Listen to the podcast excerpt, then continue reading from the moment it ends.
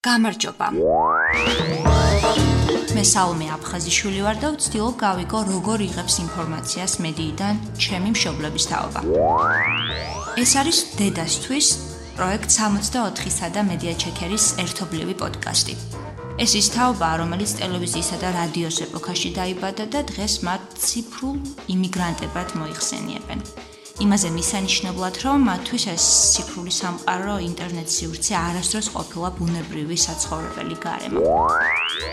პოდკასტის თითოეული ეპიზოდი გაგაცნობთ ერთ ციფრულ იმიგრანტს და მასთან ერთად კრიტიკულად გავაანალიზებთ მედიას, მედია ციგნიერების ხუთი მთავარი კითხვის მიხედვით.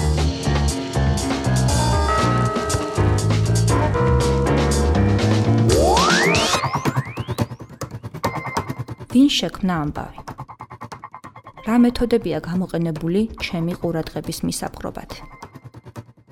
როგორ აღიქვამს ერთსა და იმავე გზავნილს სხვადასხვა ადამიანი? რა იდეოლოგია დგას ამ ამბის უკან? რა არის გამოტოვებული?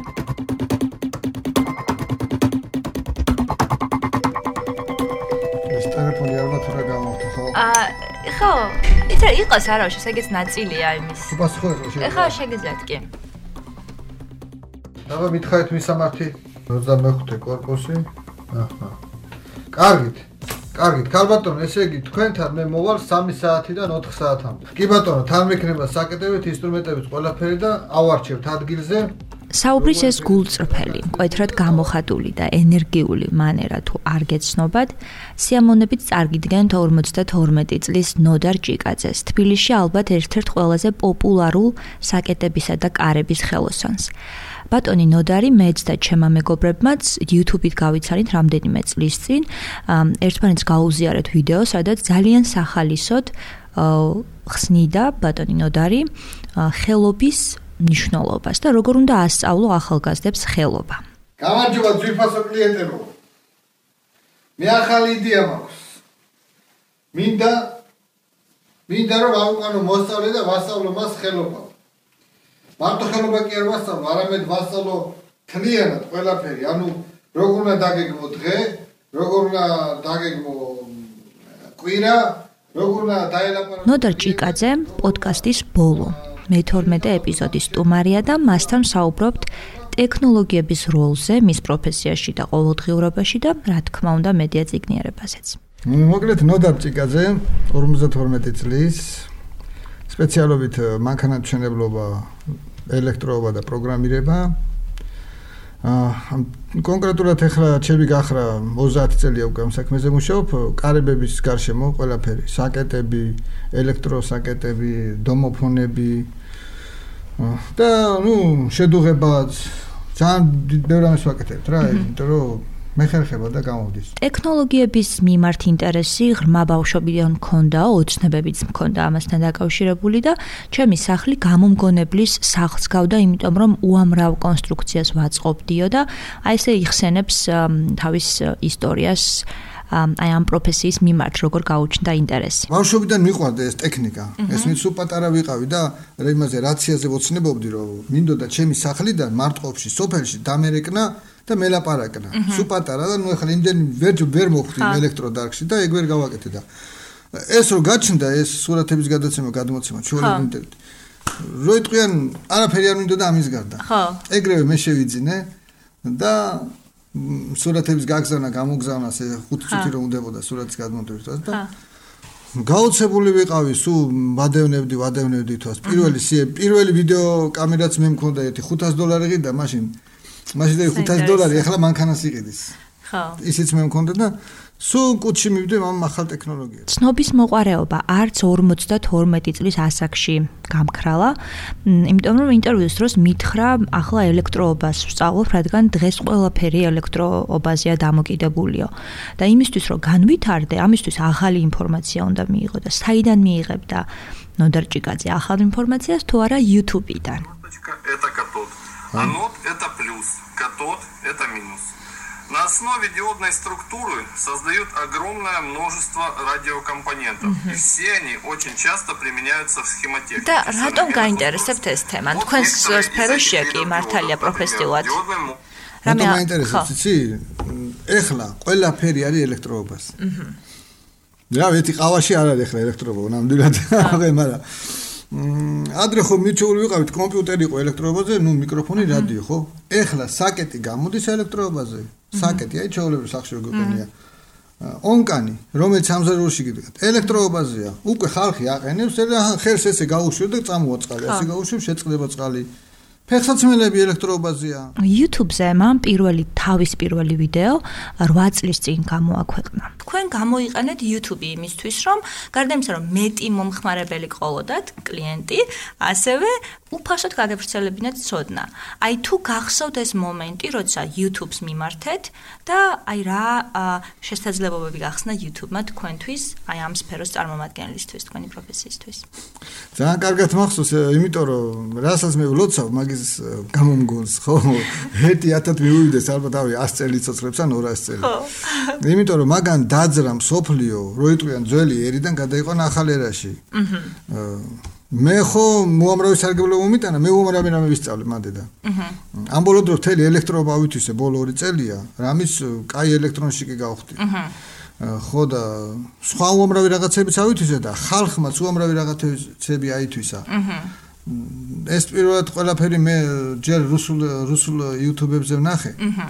იქ დავინახე რომ იძნე ხალხი. შეუ ჩეულებრივი ხალხი ჩემი ისე ჟურნალისტები კი ჩეულებრივი ადამიანი ისე საინტერესოდ ყვება ყველაფერს აგებინებს აგებინებს და მე მე ვთქვი კაცო ის თუ აგებინებს ყველაფერს არა მეც მეც გავაგებინებ ხალხს რამეში მივეხმარები ვასწავლი უფრო ლამაზად წავა ცხოვრება უფრო მოხერხებულად წავა და აჰა მართლაც და მართლაც ეგრე გამოვიდა და კარგია რომ ეხლა მე ხო გულით აყვებოდი იქა და ადამიანებმაც რომ შეაფასეს ეს და მართლა დაინახეს გულით აყვები აი ძალიან გამიხარდა. კი კი ძალიან უშუალო რაც ძალიან უხდება YouTube-ს იმიტომ რომ დღეს იმდენი შინარსი და იმდენი ვიდეო ვრცელდება YouTube-ზე რომ ჩემთვის საკითხი დგას ასე რამდენად გულწრფელია ადამიანი როცა რაღაცას მიყვება.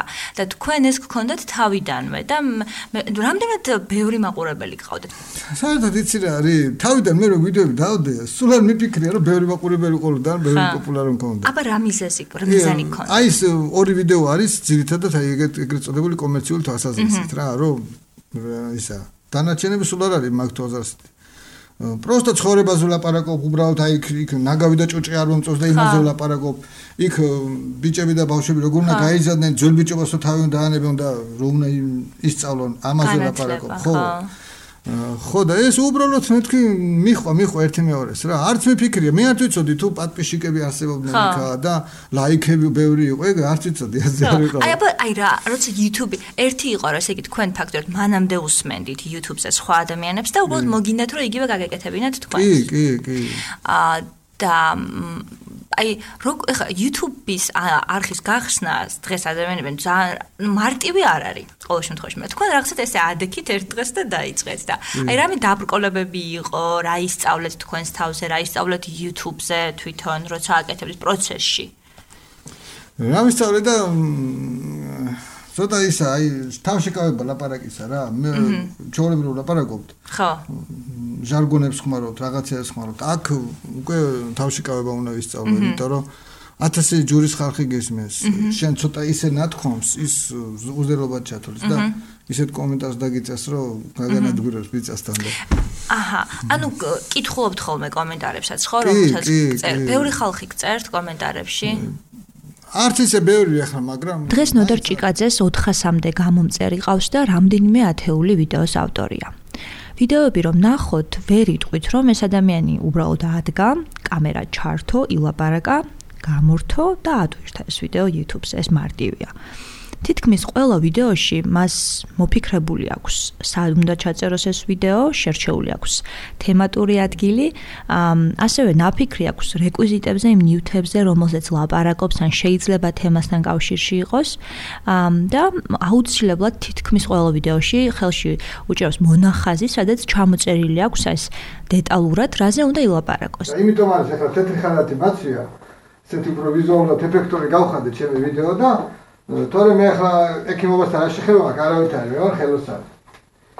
ესე იგი აი რომელი საჯარო გამომსვლელი შეიძლება იყოს ესეთი მომზადებული, როცა საუბრობს რაღაც სპეციფიკურ თემაზე, ხო?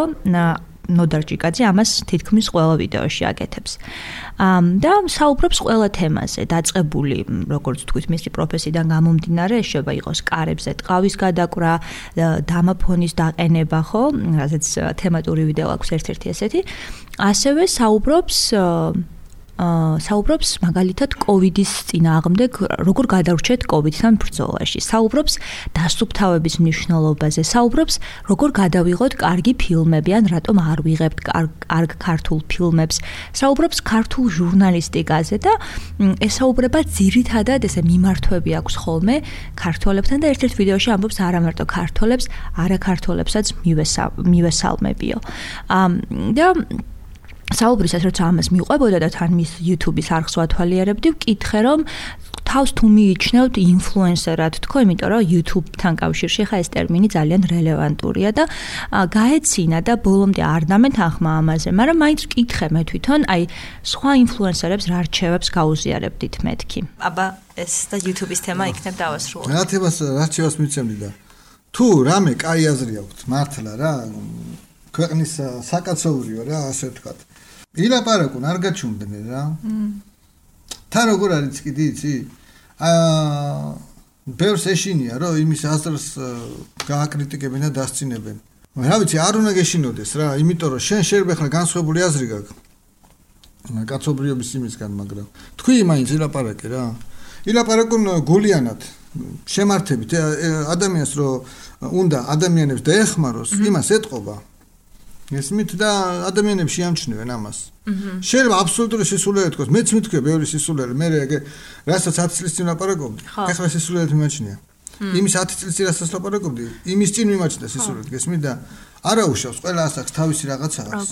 და თამამად ილაპარაკონ, პროსტა კარგი იდეა ქონდეთ, რომ ხალხს დაეხმარო, რომ ყველაზე მთავარი ეგ არის, რომ ხალხისთვის მოქონდეთ სარგებლობა. YouTube-ის გამოყენების პარალელურად ვკითხე smartphone-ი თუ გეხმარებათ, ან გამოგიყენებიათ პროფესიულ საქმიანობაში, თქვა თუ რაიმეს უფრო გეხმარებათ ეს მეთქი და მითხრა რომ ძალიან მნიშვნელოვნად მიზოგავს დროს smartphone-ის ფუნქციები და ასევე ფინანსურ რესურსებსაც. და აი რას გულისხმობს ახლა გავიგებთ. ბოლო 5 წლის სასწაული მიღწევა ეს არის სურათების გაგზავნა, გამოგზავნა და ვიდეოების გაგზავნა, გამოგზავნა, რომ აითვის ახალ მეც და ხალხმაც. აჰა. უკვე საქმეები სულ ესე კეთდება. დასკვნებს ვაკეთებ სურათით, გამომიგზავნი სურათი, შევხედავ ამას ესჭის, ამას ესჭის რეონები. ან კიდევ აი ამას ამ სურათის მიხედვით, აი ეს გააკეთე, ის ჩართე, ის გამორთე, ის შეერთე და ამუშავდება და აჰა. ესე ძალიან აღარც დავდივარ ბევრ საქმეებზე. აჰა. დაუშვათ ფასი თუ აინტერესებს, ფასს ვეთყვი და დამთავრდა. რადგან ადრე უნდა წავსულიყავ და ერთ საათით ამეკარგა ბენზინი დამეწოდა დრო. რა მაგარია. ეს ვიდეო YouTube-ებზე რო ვიდეოები მაქვს ხო, ამან ხო ძალიან ბევრი სარგებელი მომიტანა. ხალხმა გამიცნო და კლიენტი უამრავი ყავს. ვეთყვიან ერთი კვირა გადამული არ მცალია. აჰა. აქედან წნეთში მიდის სურათი წნეთიდან უკან ბრუნდება აქედან ვიდეო მიდის იქიდან უკან ბრუნდება და დაიძრა საქმე წი ნელ-ნელა მიუახლოვდით მედია ციგნიერებაზე საუბარს და ვკითხე თუ გსმენიათ რამე ამ ტერმინზე მეთქი და პირველივე რაც გამიზიარა ეს იყო ქართული ჟურნალისტები როგორ აშუქებენ ამებს ქართული ჟურნალისტები. ანუ ტერმინ მედია ციგნიერებაში მან ჟურნალისტების გამოცდილებაზე და ციგნიერებაზე ისაუბრა. აა და ბუნებრივია ხა ეს პირდაპირ შეიძლება მედია ციგნიერების განმარტებაში არ ჯდებოდეს, მაგრამ მე აქვე ვიტყვი რომ ესეც მედია ციგნიერება, იმიტომ რომ ცოდნა და ანალიზი იმის როგორ მუშაობს მედია, როგორ მუშაობენ ჟურნალისტები, რა თქმა უნდა, სხვა არაფერია თუ არა მედია ციგნიერება. ამიტომ ჩაუთვალეთ ნოდარჭიკაძეს პასუხი კითხვაზე რა არის მედია ციგნიერება. ძალიან აქტიურად ვაკურდები ამ ჟურნალისტებს. სულ ვაფასებ, უყურებ ტელევიზორს, ხო? გამოდის რუსთავი ორი ჟურნალისტები. ეხლა კიდე არა უშოთ, მაგრამ ადრე გიჟურად პირობდნენ. რა გინდა, ხა რა ჩამყვირი ხარ ყურებში, აი ესე ფიქრობ, თვალებით უყურე, რა გინდა, ესე რას მაძალებ რაღაცას, აი რო იტყვიან. ხო. ფისტალეთს უდაგადებენ. მილაპარაკი ადამიანურად, ჩეულებრივად, კაცო, შენ ოჯახში ეგრე ლაპარაკობ, შენ შვილს ეგრე ლაპარაკები. ხო. სულ ესე ვაფასებ და მე ვიდეოებიც მაგ გადაღებული ამ თემაზე YouTube-ში მიდევს. მომეცით მასობრივი ინფორმაციის საშუალებები და ნებისმიერ ერთს ღორების კონტაქტ ვაქცევ. იოზეფ გებელსი. აი ესეთი რაღაც ამოვიკითხე იმ დღეს და ეს არის 100%-იანი ჭეშმარიტება. ზუსტად აი მას აკეთებენ ახლა ჩვენი მასობრივი საინფორმაციო საშუალებები. ანუ ამით ისე თქმა მინდა მე ამ სიბზნეთი რომ როგორიც გექნება მასობრივი საინფორმაციო საშუალება ისეთ გექნება ქვეყანა ისე აშენდება ეკონომიკა ისე გაიზრდება ხალხი ისეთი წესრიგი იქნება ქვეყანაში და ასე შემდეგ. ყველა თაერო პირველ რიგში საქართველოსში მასობრივი საინფორმაციო საშუალებები ჩაიგდეს ხელში ჩვენმა კოლონიზატორებმა. ბუნებრივია ვკითხე ისიც როგორ იღებთ ინფორმაციას მეთქი და ძალიან საინტერესო სტრატეგიაზე ისაუბრა ორი არხია ძირითადად ტელევიზიებში. სილქნეტის ხომ არის მე. ერთი არის ნასტეაშია ვრემია ესე ქვია. მეორე არის რუსული ORT აჰა ოფიციალური ტელევიზია კრემლის აი ეს ორი არის ერთი მეორის ტრები. ერთი მეორის საწინააღმდეგოს ლაპარაკობენ სულ. კი ბატონო. ასე თქვა, ერთი ნახევარსაათს ამას მოусმენ, ნახევარსაათს ამას მოусმენ და სოფლიოში რა ხდება, ყველაფერი გავიგე რა, განწყობა არის. დღეს რა უფრო მეტი დაიძაბა სიტუაცია აქეთ, ხვალ იქით ზეგ ზეგაქეთ და აზზე ვარ ვაფშე ყველაფერი რა. ეს ესე სპეციალურად არჩევთ ხო ორ განსხვავებულ მედიას იმისთვის რომ სრულყოფილი ინფორმაცია გქონდეთ. კი, კი, კი. სპეციალურად. იმიტომ რომ ეგ არის ჭეშმარიტი ისა გაგება ამბის. აი მოსამართლემაც რატო უნდა მოусმინოს? დაზარალებულსაც და დამზარალებელსაც. იმიტომ რომ იმ დაზარალებულმა შეიძლება რაღაც გადააჭარბოს. აჰა. გადაამეტოს და ეს ეს მეორესაც რომ მისცემს სიტყვას, ხარა? იქიდან აუცილებლად რაღაცას გამოიტანს სწორედ. დასაწყისშივე მითხრა რომ ზუსტად 1 საათი მჭირდება იმისთვის რომ გავიგო მსოფლიოში რა ხდებაო და კითხე როგორ ახერხებთ ამას მეთქი და აი ეს მიპასუხა. საღამოთი რომ მოვა სახში. აჰა. აა 9-ზე არის ORT. აჰა. ამ დროს მე როგორც როგორც ყოველთვის უკვე საქმეები უკვე მოთავებული მაქვს დავჯდები მაგიდაზე აქეთ ჩემი ფურცლებს გავშლი ჩემ გეგმას წერ იქეთ ტელევიზორი. აი თან წერ გეგმებს და თან იმას უსმენ. ნახევარ საათი რო გავა თავარიაც არის ყველაფერს კი არ უსმენ ახლა რუსული ეკონომიკა რაში მაინტერესებს ციმბიში რა მოხდა. პირველ 20 წუთში ნახევარ საათში ყველაფერს იტყვიან ხოლმე სოფლიოში რა всё, მე აქეთ გადმოვხდა ნასტაიაში პრემიაზე და მე იქაც გავიგებ რა მოხდა და всё, დამთავრდა ამ მომენტში უკვე მე უკვე ძილი მერევა და საქართველოს შესახებ ამბებზე როგორ იგებთ ინფორმაციას? ქართულ ტელევიზიებს როგორც ჩანს აღარ უყურებთ? ხო, როგორ არის, იცით? ორ სამ დღეში ერთხელ რუსთავი ორს ჩავთავ ხომ. აჰა. და ადრეს სხვა არხებსაც უყურებდი, მაგრამ უფრო ამ ბოლო დროს რუსთავი ორზე გავჩერდი, იმიტომ რომ რაღაცა მთლა პოლიტიკური ტელევიზია აღარ არის ეგა. ცდილობს რომ ესე ნეიტრალურად გადასცეს ინფორმაცია რა. იმას რომ უსმინო პოლიტიკურ ტელევიზიებს, ხო ისინი გაგაგიჟებენ რა. შავს აქეთ ამხარე თეთრად მოგაჩვენებს, აქ აქედან თეთრ შავად მოგაჩვენებენ და სულ აგიდაგირებენ თვით საერთოდ. კი ბატონო. აა რა შეიძლება ონლაინ? აი თუ გაგვთ რაიმე ონლაინ პლატფორმა, ინტერნეტის თუ იღებთ ინფორმაციას სოციალ-პოლიტიკურ თემებზე, სოციალური მედიაში რამდენად, Facebook-ით რამდენად იღებთ ინფორმაციას? ხო. კი, კი, Facebook-ს ახლა ჩაულებრი, ეგ უფრო ძილის წინ ხდება რა, ზოგჯერ ჩაძინებას ეხმარება ადამიანს. ხო. კი, ჩავთავ და თითით ესე ავატრიალებ, ავატრიალებ და სკროლვა სკროლვა შეიძლება. კი, კი, კი, იქ გამოჩდება რაღაცა იქით აქეთ. ხო. ადრე მყავდა მეგობრებში ძალიან აჟიტირებული პოლიტიკოსები რა, როგორც ერთი მხრიდან აი თქვა პუტინი რევასება და სხვა ყველაფერი ზიზღება.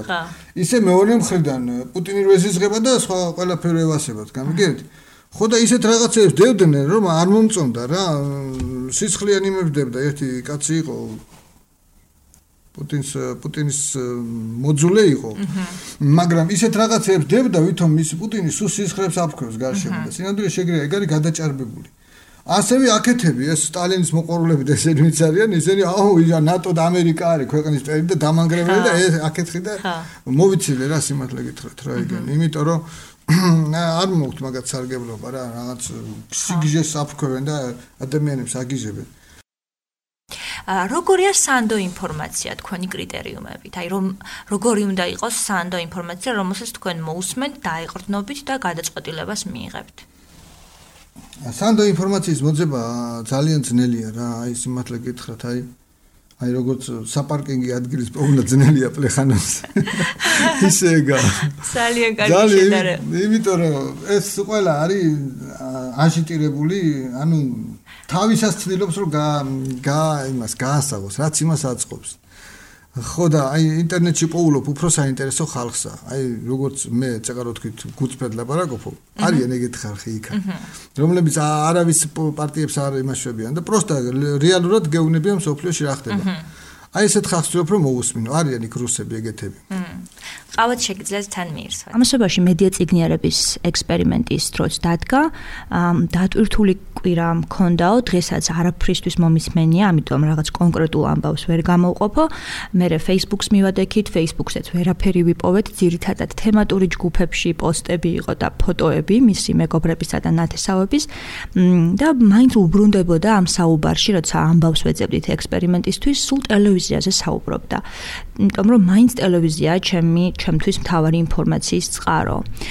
მე დავეხმარე ამ კითხვით, რომ აი ბოლოს მეთქი რა ინფორმაცია მოისმინეთ, რამაც ყველაზე მეტად მიიქცია თქვენი ყურადღება. თქო და მითხრა რომ დაინტერესებულია საერთაშორისო პოლიტიკით და ეხლა რაც ხდება ყველაზე მთავარი მისთვის საინტერესო არის რუსეთსა და დასავლეთ შორის განახლებული, ასე ვთქვათ, დაპირისპირება, რომლის მთავარი ასპარეზი ეხლა უკრაინის საზღვრებთან არის გაშლილი და აი ამ ამბავზე შეჩერდა ესე კონკრეტულ სიუჟეტს ჩვენ ამ პოდკასტში ესე ვერ შემოგთავაზებთ, თუმცა დაასახელა ის ორი ტელეარხი, რომლიდანაც იღებს ინფორმაციას და შესაბამისად დაიწყო ამ ამბის ანალიზი მედია ციგნიერების ხუთი მთავარი კითხვის მიხედვით. European Union leaders gathered in Brussels and insisted that there was an urgent need for Russia to de escalate tensions caused by the military build-up along its border with Ukraine. კითხვა ნომერი 1. ვინ შექმნა ამბავი? ეს ერთი შეხედვით მარტივი კითხვა, მაგრამ ძალიან მნიშვნელოვან ინფორმაციას გვაძლევს ამბავზე. ამ კითხვაზე პასუხის გასაცემად აუცილებელია ვიცოდეთ ორი რამ. ერთი, რომ ეს ამბავი ჩვენამდე მოსული ფორმით ვიღაცამ, ან ვიღაცებმა შეარჩიეს და მეორე, ამბავი შეიქმნა ამ არჩევანის შედეგად. ვინ შექმნა ამბავი მესიჯი? ეს ბუნებრივად გაჩნდა, მაგრამ ეს მესიჯი მე მოусმინე როგორც რუსეთის მხრიდან, ისე ნატოს მხრიდან. აი ეს ორი ტელევიზიას უყურებთ, ხო გითხარით? კი. ორივე შექმნეს, მაგრამ საიდან შეიქმნა ეხლა? შეიქმნა ეხლა მე თქვენ გეტყვით, საიდან ის გემს ვინ მისცა ბრძანება, რომ წამოსულიყო დასაჯახებლად. ეგ ამბავი მოდის ეხლა იმენა ნატოდან. ეხლა ორი აზრი არ არსებობს, ის გემის კაპიტანს თვითონ არ დაესწრებოდა. იმიტომ რომ ესენი ცდილობენ ყველანაირად რუსეთი ჩაითრიონ ომში რომ მას ქნან დასაჯონ და დაშალონ გამიგეთ? აი ამ ეს კითხვა რას გეუბნებათ მედია ანუ ინფორმაციის მოხმარების შესახებ? აი როგორ არის დასმული და რაზე გამახვილებინებ ყურადღებას სწორედ არის დასმული. მე თვითონ ყოველ სულ ამ შეკითხვას თვითონ რამეს რო გავიგე. ხო. იმიტომ რომ ესე ხარიდან არ მოდის რაღაც ამბები. ვიღაცას აწყობდა ეს. აჰა. ხონა ეგრევე საიდან მოდის ეს ამბავი? დაჟე ვიღაცა რაღაცას რომ მეტყვის, აი გაი გნოდარ, გაი გიქრა და უშოთ მანქანა გადმოვიდა. ვინ გითხრა? საიდან გითხრა? რომელ მარხმა გადმოსცა? რომ გავიგებ უკვე რომელ მარხმა გადმოსცა? ჩემთვის უკვე ბევრი რამე არის ნათელი. გასაგები. იმის შესახებ. ერთ-ერთი სერიოზული შეკითხვაა. კითხვა ნომერი 2. რა მეთოდებია გამოყენებული ყურადღების მისაპყრობად? წინადადებებისა და სიტყვების არჩევანი. აუდიო-ვიზუალური ეფექტები. ის ცვლილებები, რომელიც კადრიდან კადრზე გადასვლის დროს ხდება. ციტატა, რომელსაც ვკითხულობთ, ფერი, რომლითაც ეს ციტატაა გაფერადებული. ეს ერთი შეხედვის ტექნიკური დეტალებია, მაგრამ გამოყენებული იმისთვის, რომ აუდიტორიის ყურადღება მიიპყროს. სწორედ ამ მეთოდების მარტივ მომრავლებად დაშლა და ანალიზი გვეხმარება მივიღოთ პასუხი მეორე კითხვაზე. ამაში ხო უნდა ასპეციდან ეხლანდელი ჩვენი ბატონი პოლიტიკოსები, დიდი ხალხი. ადრე თუ მარტო გაზეთები ქონათ ხელში და ტელევიზიები, ახლა ხო კომპიუტერები გაჩნდა 1000 სუხტები ხოლმე ყველაფერს ა როგორ როგორ უნდა ხალხი ჩაეთრიო თავის მიმართულებით, ასე ვთქვათ. აი რა მეთოდებს გამოარჩევთ, რასაც ისინი იყენებენ? და ხშირად ფიქრო, აი როცა მოიხმართ და უსმენთ სხვა პოლიტიკურ ინფორმაციას, თუ ფიქრ თუ სვამთ ხოლმე ამ კითხვას. როგორ ავსვა, მე მაგრამ მაინტერესებს ესე კი. აი დავუშვათ ბოლოს არცე ბოლოს უკვე, მაგრამ უკრაინაში რევოლუცია როგორ გააკეთეს? ხელოვნურად, ოსტატურად საოცარიეს ამერიკას რა ძალა აქვს? უდიდესი ძალა აქვს, ესე იგი, როგორ შეუძლია 40 მილიონიანი ქვეყანა თავის დაკრუზე ათამაშოს? რუსეთი ამ ხრივ დებილია იმასაც შეუძლია ეს ტექნოლოგია იმას მარტო უნდა აიღოს ავტომატი და მისეს ვიღაცას ესროლოს და ეს ნატო და ეს ევროპული ქვეყნები ეს ძალიან დახვეწილი ქვეყნები არიან ამათ შეუძლიათ კეთილი სიტყვით და ღიმილით. შეუძლიათ თერი ქვეყანა აღატკინონ და რევოლუცია გამოიყვანონ ქუჩაში და ჩამოაგდონ ვიღაცა. კითხვა ნომერი 3 როგორ აღიქვამს ერთსა და იმავე გზავნილს სხვადასხვა ადამიანი? ეს კითხვა ინტერპრეტაციების მრავალფეროვნებაზეა. ანუ ერთსა და იმავე ამბავს დედა და შვილი, სტუდენტი და პროფესორი, ქალი და კაცი, ბებია და შვილიშვილი, დასაქმებული და უმუშევარი, უფრო ზუსტად რომ ვთქვათ, ორი საუკეთესო მეგობარიც კი სხვადასხვანაირად აღიქვამს. ამიტომ კითხვა ნომერი 3 გვეხმარება გამოვიკვლიოთ ინტერპრეტაციები ერთი და იმავე ამბავზე. ხო, აბა ეს ეგეც რა თქმა უნდა თემა ამ ადამიანები ისე განსხვავდებიან ერთმანეთისგან, როგორც სადა დედამიწა. ხო. მიუხედავად იმისა, რომ ორი ფეხი აქვს უკვე, ორი ხელი. ზოგი უმეტესობა ადამიანების ფსიქიურად ვერ გარაგებული რა, 80% შეიძლება ითქვას. აჰა. ხო და ეხლა თქვენ წარმოიდგინეთ ასეთ ფსიქოლოგიურ სხვადასხვა ადამიანებში ეთდეგი ამბავი მიაწოდეთ. აი ისე იგივე ეს ამბავი რაც თქვენ მოყევით უკრაინის და ამერიკა-რუსეთის დაპირისპირება. აი როგორ აღიქვამდა ამას თქვენ და თქვენი მეზობელი, ან თქვენი თანამშრომელი? ხო, როგორ აღიქვამდა მაგალითად და მე ესე აღვიქვი რომ ეს როგორც ეგა გითხარით, უნდათ რომ რუსეთ ჩაეთრიონ ომში და შიაში უნდა დაასალონ. ის იტყო და დაუშვათ პატრიოტიზმით აღჭურვილი ადამიანი, ხო, ესე თქვათ. საქართველოს მოყვარული და უკრაინის მოყვარული იტყო და რომ გმირი უკრაინის მოქალაქე რომელიც იყო იმ გემის კაპიტანი გადაწყვიტა რომ შეეტია რუსეთისთვის და დაებრუნებინა ტერიტორია. რუსეთ რუსის აჟიტირებული კიდე იტყო და რომ აა ის პროვოკატორი ვიღაცა ის ოხერი ის წამოვიდა ჩვენ წინააღმდეგ აქ არ უნდა რომ ჩვენი ქვეყანა დაანგრიოს. აი სამი აზრია. აჰა. ყველა მაგიქო თავისებურად. მე ესე აღვიქვი. ჩემ მე ნეიტრალი ვარ ასე ვთქვა. აჰა. რაში გეხმარებათ ნეიტრალური პოზიციის ქონა, როდესაც საქმე ეხება ინფორმაციის გამოყენებას და გადაწყვეტილების მიღებას და აზრის შექმნას რაღაც ამბებზე? ნეიტრალური პოზიცია ეს ყველაზე ძალიან სასარგებლოა რა. მე ყველაფერი გავიარე 52 წელს ვარ ხო და ხოლმე. ისიც გავიარე იქაური პატრიოტის ვიღარი გიზი. აქეთა პატრიოტის ვიღარი გიზი და всё მომწონდა მივხვდი ეს სისულელე. ხო.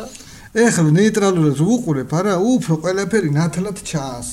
ხრუბლები ყველაფერი გაწეულია, ნისლი გაწეულია და მთის კონტურები მშვენივრად ხედავ ყველაფერს. ძალიან კარგი. ხედავ ის, ის თავისას ეკაჩება, ის თავისას ეკაჩება. მე ნოდა წნარად იჯექი აქეთ ჩუმად ის ის ორი დათუ ერთი მეორე შეეჩხუბება იქნება შენ იქი და რამე დაგრჩეს. გაუვარდეთ რა. პრაგმატული მიდგომა გაქვთ ესე. აა კარგი, მეოთხე კითხვა. რა იდეოლოგია დგას ამ ამბის, ამ მესიჯის უკან. სიტყვა იდეოლოგია ამ კონტექსტში გულისხმობს კონკრეტული ღირებულებების, რწმენა წარმოდგენების, პოლიტიკური, ეკონომიკური, რელიგიური თუ სხვა შეხედულებების ერთობლიობას, რომელიც ჩვენს ყოველდღიურ ქმედებებს და არჩევანს განაპირობებს. თუ ჟურნალისტი რომელიმე იდეოლოგიით არის მოტივირებული, ნებისმიერი მისი კითხვა თუ ქმედება, სწორედ ამ იდეოლოგიით არის ნასაზრდოები. ამასაც სულ სულ რა თქმა უნდა ეს თავში მიტრიალებს კი। აი დაუშვათ აი რომელიმე პოლიტიკურ ტელევიზია ქართული. ხო დაიწყება ესე. აა და ის მოხდა რა ქვია კოლელობა კასპის რაიონში. აიღო იმან რა ქვია ცოლმა ქმარმა აიღო ცული თავის ცოლი ცულით მოკლა. მე შვილს გამოეკიდა შვილს ააცილა მაგრამ ისიც მოკლა ну მე ეს ეს გძლდება 10-15 წუთი. განსაკუთრებით ადრე იყო ეს აგიჟეთი რა. ეხლა მე ფიქრობ ოთი სამას ფიქრობ რატო იწებენ ამით ჟურნალისტები რა უნდა? ვიღაცამ დაავალა ესა კითხვა ნომერი 5 რა არის გამოტოვებული? პასუხი ამ კითხვაზე გვეხმარება გავიგოთ ავტორის ამ მესიჯის თუ მედია პროდუქტის ავტორის მიერ გაკეთებულმა მიზანმიმართულმა არჩევანმა რამდენად რა ხარისხით დაარღვია ამბის სრულყოფილება. რა დაგვაკლდა იმისთვის, რომ სრულად გავიგოთ ამბის არსი. ბოლო კითხვა არის რა არის გამოტოვებული? რა არ გითხრეს, რა არ გითხრეს? ხო, რა არ გითხრეს კი, რა თქმა უნდა, ეს რა არ ის არ გითხრეს, რომ ვინ გამოუშვა ეგ ინფორმაცია, აი არ გითხრეს, ეს თვითონ უნდა მიხვდე. აი უკრაინის ისევ ამ უკრაინა რუსეთი ამერიკის ამბებზე. აი რა როცა უსმენთ, რა გრჩებათ, რა რა შთაბეჭდილება გრჩებათ, რომ რას არ გეუბნებიან იმისთვის, რომ სრულყოფილი ინფორმაცია მიიღოთ. რომც გითხრა ყველაფერი, ხალხის 90% მაინც ვერ გაიგებს იმას, რაც გითხრეს. ეხლა ადამიანი რომელიც ყოველდღიურ ცხოვრებით ცხოვრობს საჭმელ შეულებს საღამოთიშვილებს საჭმელს. იმა რა უნდა მიხვდეს მითხარი, რა ნუ მე გლეხი ადრე ამომდნენ და გზაოდ კრავოთო ესეთ ხალხს ეძახი. ხო. იმა რა უნდა მიხვდეს თუ ძმახარ იმას პური იყიდოს და სახში მიიტანოს მეც არ ვიფიქრო. როგორ გახდებიან ადამიანები კრიტიკულები? თავენთი ისინი ვერ მოუგვარებიათ ოჯახის პრობლემები და უბნის პრობლემები. სადარბაზოში რო შედიხარ ერთი ვედრა საღებავი ვერ წაუსვიათ. რომ პროსტა სუბთად შევიდნენ შიგადა. ესენი ახლა პოლიტიკას გაარჩევენ. კი ვითომ დიდი მონდომებით იხილავენ საღამობით რომ შეიკრიბებიან იქ ჩვენთანაც გარაში.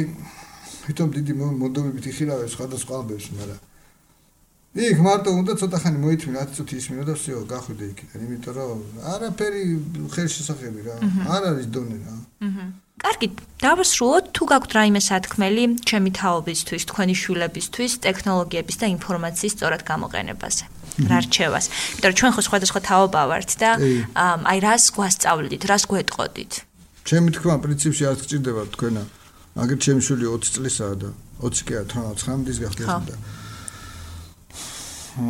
ძალიან მაგრა იყენებს რა თანამედროვე. ვეკითხები ბიჭო რაღაცას ვეკითხები და კი არ ფიქრობს ჩაწერა იქვე გუქსი და მეუნება ეს არის რა. აა ნუ ეს რო უნდა გამოიყენო თანამედროვე ტექნოლოგიები ამაში ორი აზრი არა. ხა იმიტომ რომ აი როგორც ახლა ამ ბოლო დროს 100 წელია ხო კაცობრიობა ასე თუ ისე ტექნიკა გარვითარდა და ეს 100 წელი უდრის 2000 და 3000 წელს. ყოველ ყოველ ეხანდელი 5 წელი უდრის ძველ 100 წელს. ძალიან დიდი მნიშვნელობა წელს შეიძლება სუსხა სიტუაცია იყოს ვიდრე შარშა. ეს ტექნიკა იმდენად ვითარდება. ამიტომ ახლა ადამიანი მეტნაკლებად ნორმალური ყველა უნდა გაყვეს. თანამედროვე ტექნოლოგიებს სურათების გამოგზავნა გაგზავნა. თავისი რამე ჭკვიანური აზრი თუ გააჩნია აუცილებლად უთხრას ადამიანებს ნუ შერწება თუ რამე შეცდომას უშვებს ეგეც კაია რომ უთხრას ის ვიღაცა ეტყვის რომ ბიჭო შეცდომას უშვებ თუ ისე შეიძლება თეატრ ცხოვრება იფიქროს რომ დედამიწა ოთხკუთხედია და დარჩება თავის დასთან ერთად. და მე წეგან ფლის ლაინდერიო თუ როგორ ამოდით ინფლუენსერი ინფლუენსერი ხო. ეგეც კაი რამე თუ რამე კარგი აზრი გაგაჩნიათ იფიქრეთ და ისა უთხარით ხალხს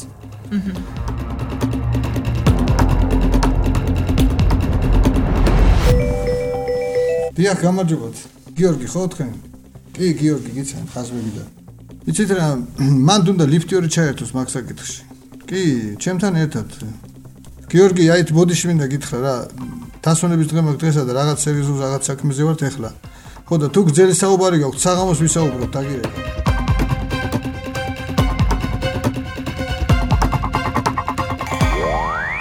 ეს იყო დედასთვის.